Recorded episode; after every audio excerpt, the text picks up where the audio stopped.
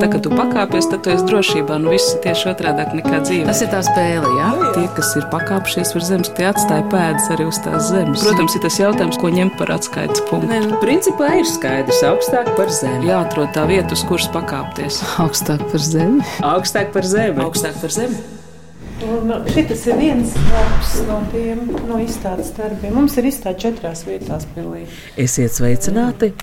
Dundagas pilī šobrīd skatām vērienīgi Zents Logins un Elīze Satārs gobelēnu izstāde Rozā raķete.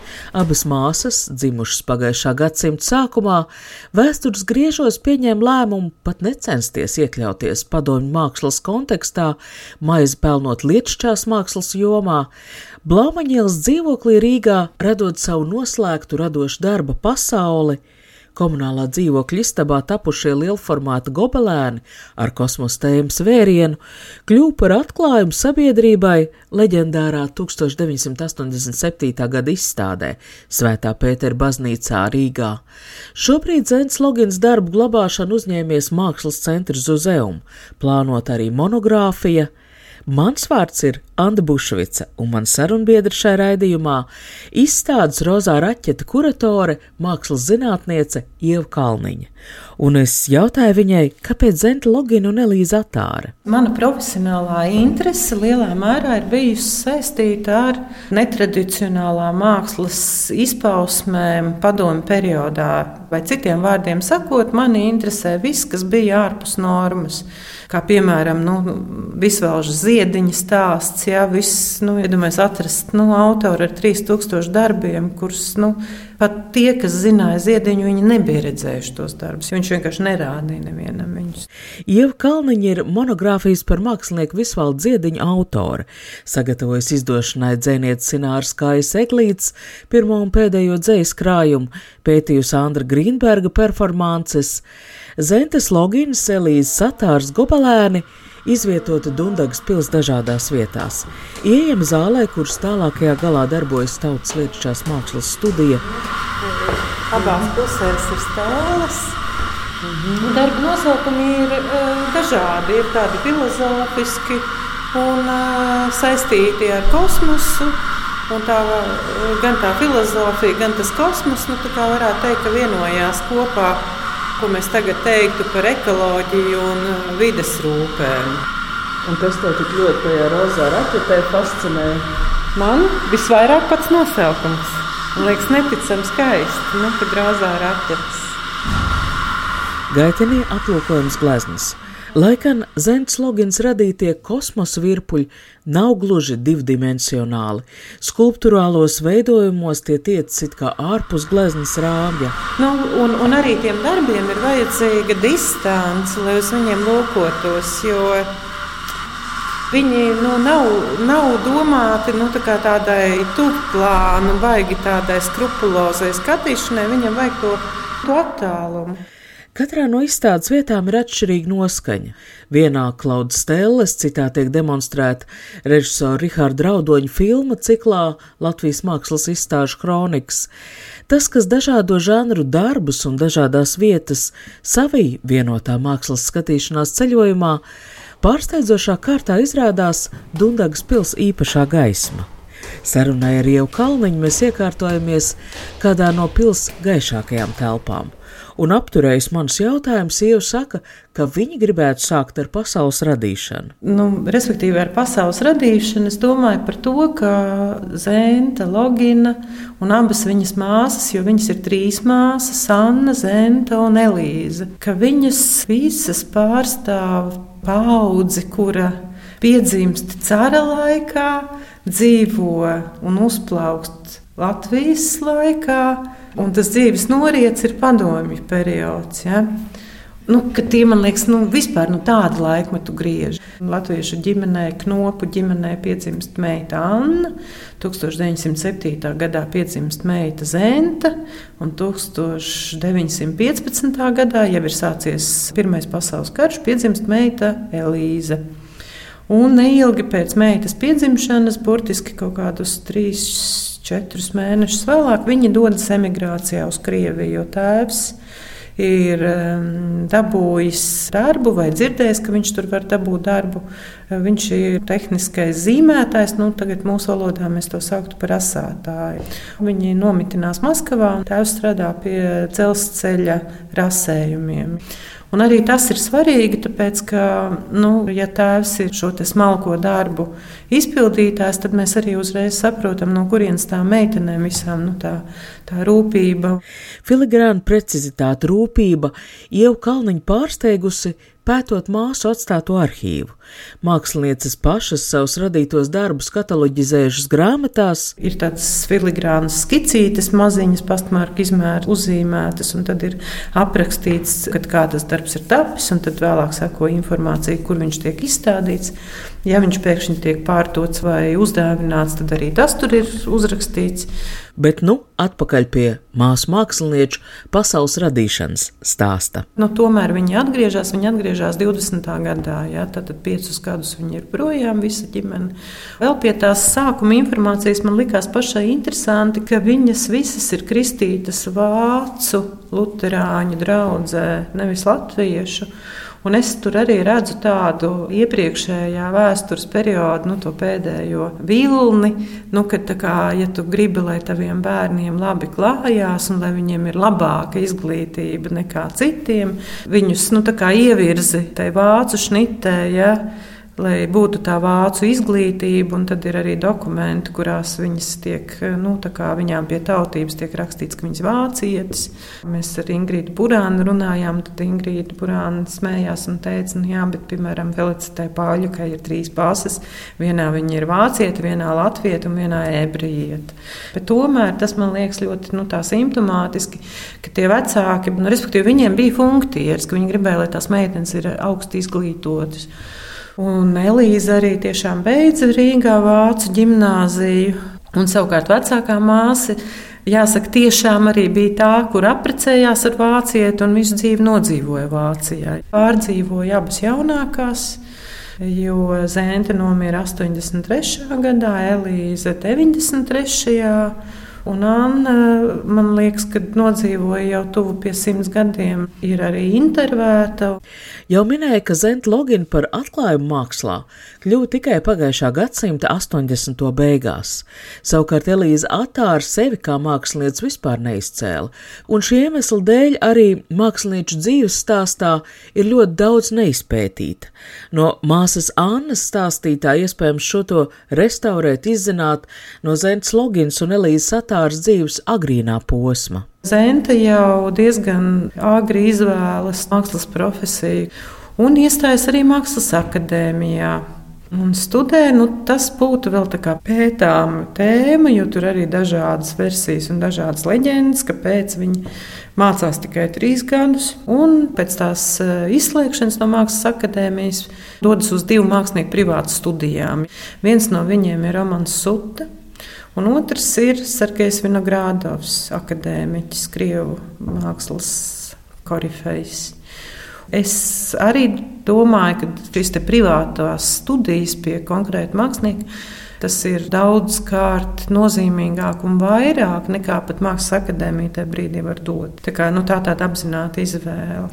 Arī iemesls, kāpēc Zentlogina 1928. gadā izslēdz no Mākslas akadēmijas, pagaidām nav noskaidrots. Visdrīzāk tas bijis kāds studiju parāds.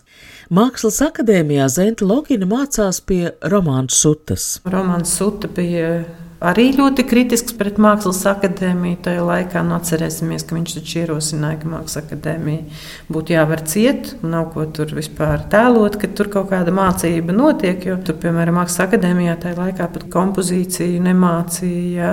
Savukārt, Sūta studijā nu, to pasniedza kā atsevišķu priekšmetu kompozīciju. Tagad tas liekas nu, pašsaprotami, ka mēs Mākslas akadēmijā mācāmies kompozīcijas pamatus. Arī vecāku vārdi un jaunāku vārdi. Ja? Un Zenta Logina īsi pēc tam, ka viņa jau ir pabeigusi šo studiju pie Romana Sūtas, viņš viņu patur savā studijā par dienas nodaļas laboranti. Nu, atzinības forma, ne tikai darbs, bet arī nu, tevi novērtē kā spējīgu studentu. Jā.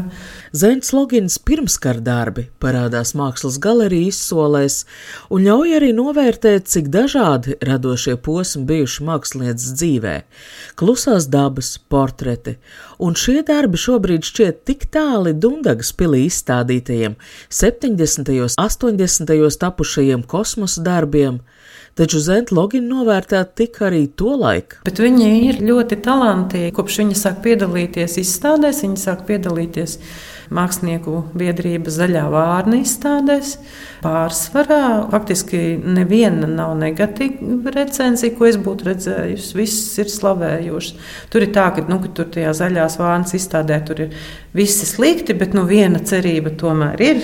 Nu, tā ir zentologija. Ja? Nu, tā aptuveni visas tās recenzijas ir aptuveni uz vienu pusi, ka viņa nu, ir pamanāma.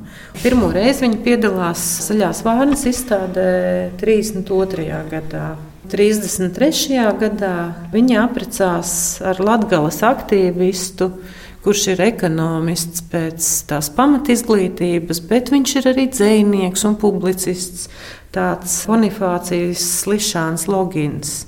Ir viens darbs, viņš gan ir pazudis, kur Zēna Logina ir gleznojusi šo Latvijas slaveno kongresu, tādu milzīgu grupas portretu Viņš ir saglabājies reprodukcijās, bet pats oriģināls iespējams, ka viņš kaut kur pasaulē vēl ir, bet viņš vēl ir jāatrod. Ja? Datu bāzē Latvijas dati šis pazudušais darbs, kas izstādīts Latviešu tēlojošo mākslinieku biedrības izstādē 1937. gadā, gan tiek raksturots kā apmeklētāju kritizēts, gleznots tik trūcīgi, ka nemaz negribas ticēt parakstam. Taču būtiskais Zents Logins mākslinieces biogrāfijas kontekstā, ka laulība ienesusi jaunas tēmas arī viņas mākslā. Bonifācija Logina 1941. gadā apcietina par viņa sabiedrisko darbību. Īru apcietina, viņa par to uzzina, bet viņa nekādīgi nedabū nekādu informāciju, kas ar viņu tālāk notiek. Paiet uh, septiņi gadi, un 48. gadā viņa iesniedz laulības šķiršanos. Nu, viņa ir izdomājusi, nu, ka nu, nu, tad viņai pateiks, nu, vai nu izšķirs to laulību, vai, vai kas. Un tad tur arī notiek tur vairākas nu, tās tiesas prāvas, un gala rezultātā kā, nu, viņai atsaka, bet atsaka pamatojoties uz to, ka tas vīrs ir nu, gadu pēc apcietināšanas mīris izsūtījumā. It kā viņa tomēr arī tai tiesas lēmumam nav noticējusi līdz galam, nu, nu, ka viņa netic ka viņš ir miris. It kā ir turpinājis gaidīt. Ievkalniņa piemin vīra brāļa saglabātās vēstules, ko šai gaidīšanas laikā rakstījusi Zenta Logina, vēlas kaut nelielu fragment no tām nolasīt.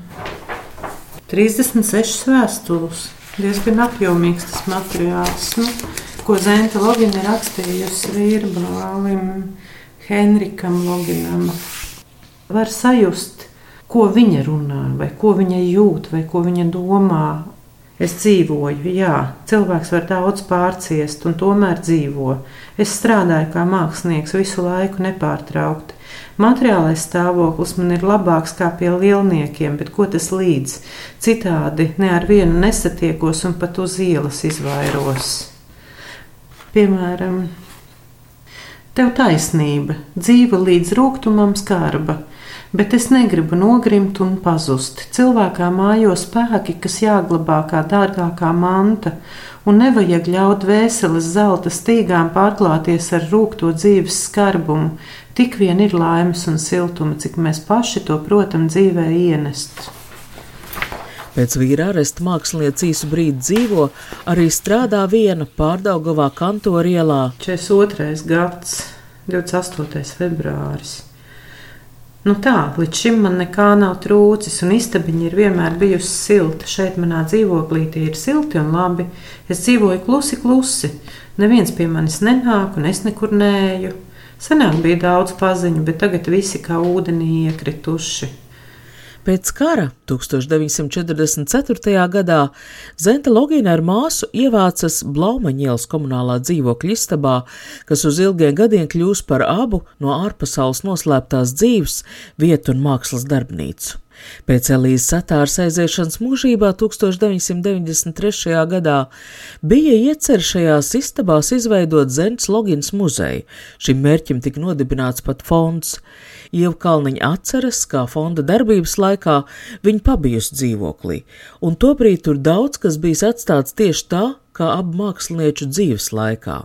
Un arī nu, tas mans priekšstats, kad es biju tajā Blaumaņielas dzīvoklī pirms daudziem gadiem, kad tur bija visi logi aizlīmēti ar pauspapīru, nu, ka gaisma iekšā spīd, bet neviens no ārpuses neko neredz, un uz āru to arī neredz. Jā.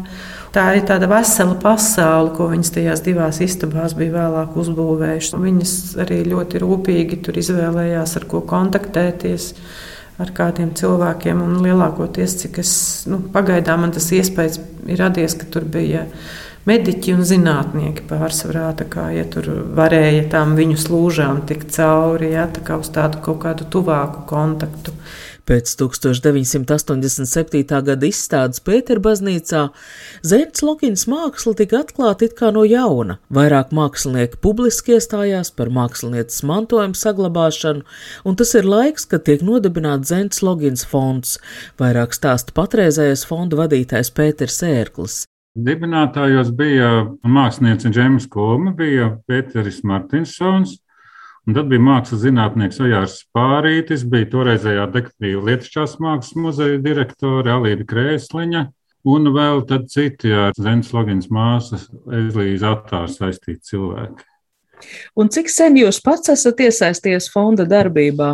Nu, fonds tika dibināts 95. Eh, gada pavasarī, bet es pats par to kolekciju rūpējos jau kādus divus gadus pirms tam.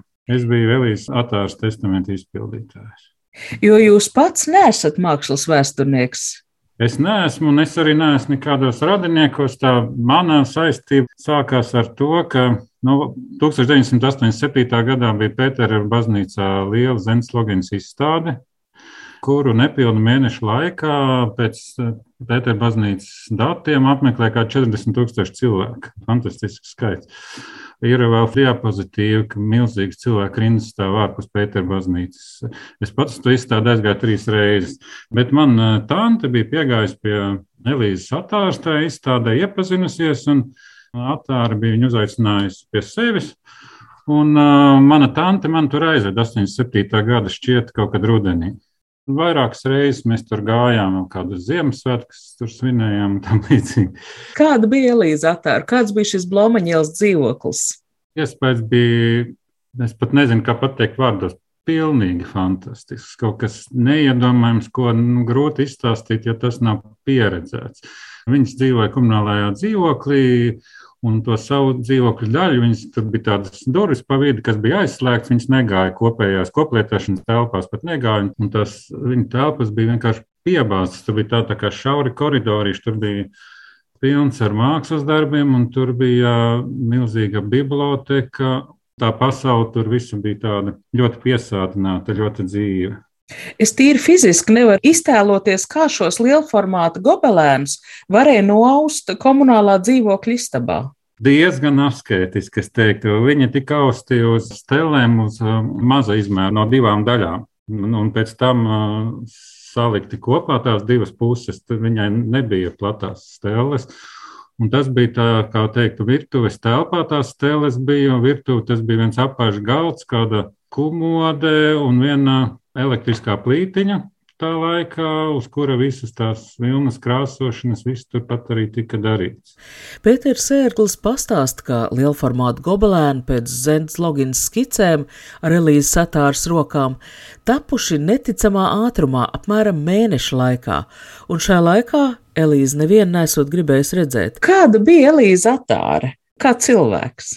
inteliģenta, ļoti gudra, ļoti asredzīga, ar savu tādu izteiktu stāju iekšēji.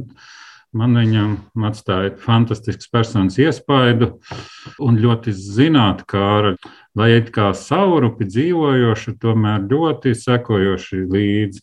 Riharda Raudoņa režisētajā filmā Pēters Ērgls izstāsta, ka jau diezgan cienījamā vecumā Elīza Atāra ķērsies klāts sengrieķu valodas apguvēja, māsas interesējušās arī par senajām civilizācijām. Es turpinu tincināt Pēteru Ērgli, par ko viņi sarunājušies, kādas bijušas tikšanās reizes ar Elīzu Atāri.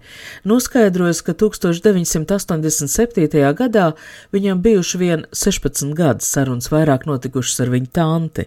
Viņa loma drīzāk bijusi palīdzēt pēc māsas nāves vienai palikušai Elīzei Atārei tīri praktiski, pieskatīt dzīvokli, palīdzēt nomainīt sienu dekors. Es jautāju, vai Tobrīd jaunajam puisim Blomaņielas dzīvoklis nelicies dīvains. Es jautāju arī par aizlīmētajiem logiem, kas tādu iespēju bija atstājuši uz ievu kalniņu. Man tie um, aizlīmētie logi, man viņi patika, jo tā bija cita pasaule. Un, un uh, no tās pasaules izējot atkal uh, uz ielas, tas bija liels kontrasts.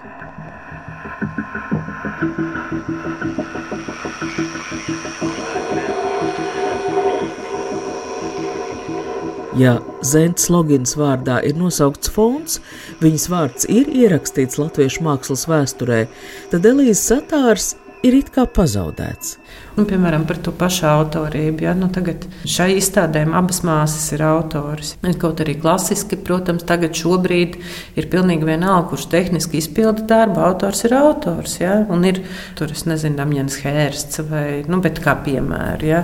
kuram cehi strādā. Un mēs ne dzīvē neuzzināsim, kurš ir īstenībā gleznojis to darbu, kuram parakstījies ar Damjans Hērsts. Ja? Skatījos arī nu, tajā arhīvā un tur, kur viņas pašas raksta raksta, nu, viņas pašas sevi ir abas rakstījušas, teiksim, gobelēniem, visiem viņas abas ir bijušas autors. Ja? Zēnta Logina ir pirmā un Elīza Atāra ir otrā. Nu, tad arī ņemot vērā visu šo te, nu, gan šo te vēsturisko tradīciju, gan arī to, ieguldījumu, ko es saprotu, nu, ko Elīze ir realitātē īstenojusi, lai realizētu tās, nu, tās idejas zentas eh, tekstilā, gobelēnos. Tad arī man liekas, nu, tas ir pašsaprotami, ka viņa ir tāda pati autora kā Zenta Logina.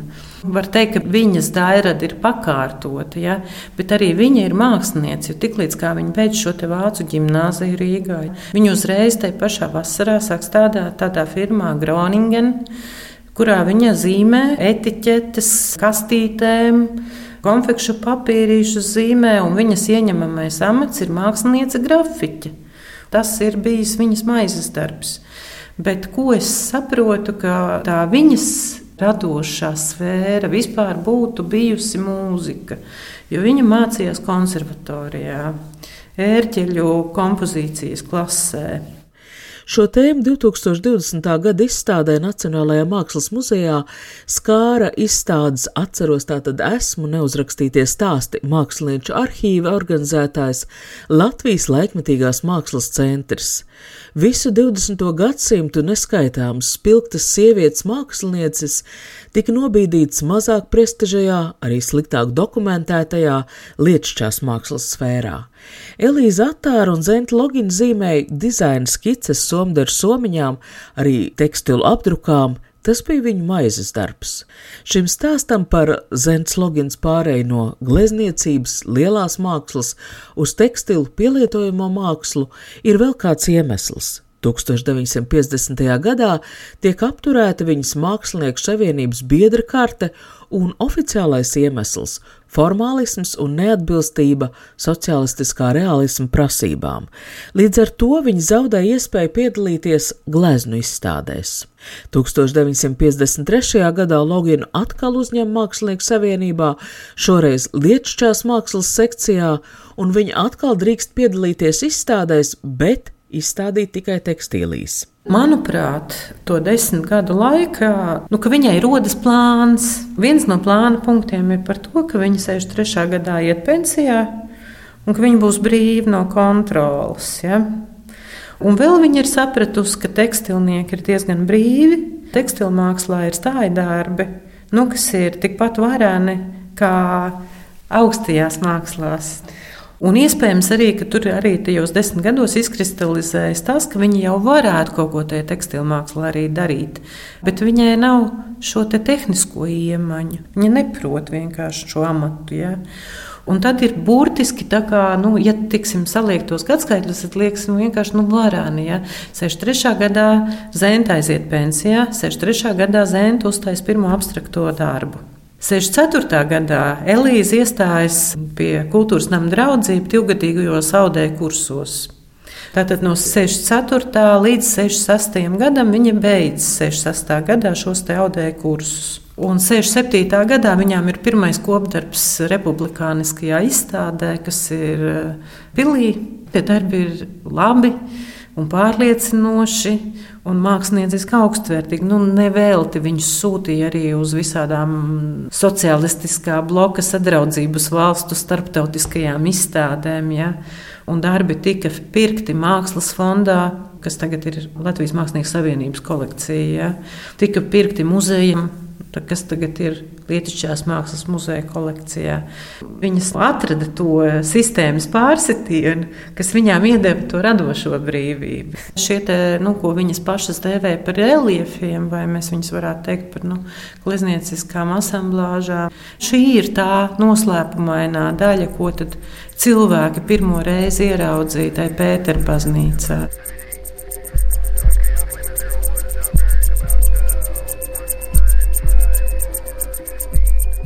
Man jūsu radījuma nosaukums ļoti patīk. Viņš ir īsti vietā runāt par Zentu loginu, kas vienmēr viņai piezīmēs nav daudz, bet ir interesanti pie skicēm klāt šī doma, ka mēs esam saistīti ar visu, mēs esam visam sastāvdaļa, ka mums ar to jārēķinās. Ja. Arī tieši šajā laikā par to domājot, Zemes logins pēdējais darbs, kas palika uz Moberta nepabeigts, ir nosaukuma brīdinājums, un tā ir liesmojoša planēta. Un viņas pēdējā mūža gadā šādas skices ir vairākas, dažādās teiksim, krāsa gammās. Un šodien, šodien atkal nu, es personīgi nedaudz par to domāt.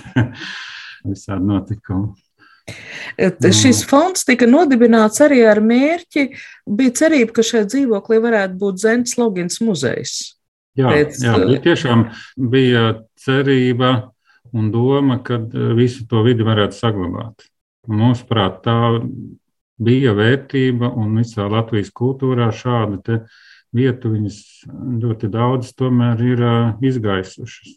Un, diemžēl šobrīd arī šī vide ir, es teiktu, izpostīta savā ziņā. Protams, mākslas darbi ir palikuši, bet uh, viss tā gaisotne, visa tā memoriālā telpa ir izpostīta. Pēc Elīzes Satāras nāves 1993. gadā Zētas Logins fonda dibinātāji vēršas pie Rīgas pilsētas ar lūgumu saglabāt Blaumaņielas dzīvokļu istabas kā muzeju, saņem iedrošinošu atbildi, taču jau pēc neilga laika prasību telpas atbrīvot.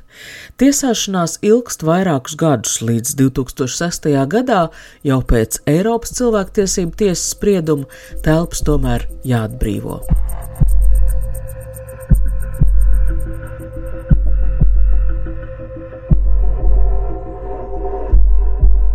Tavas personīgās emocionālās atmiņas, kāpēc šī izstāde bija tik, nu, kļuva par tādu veidu notikumu?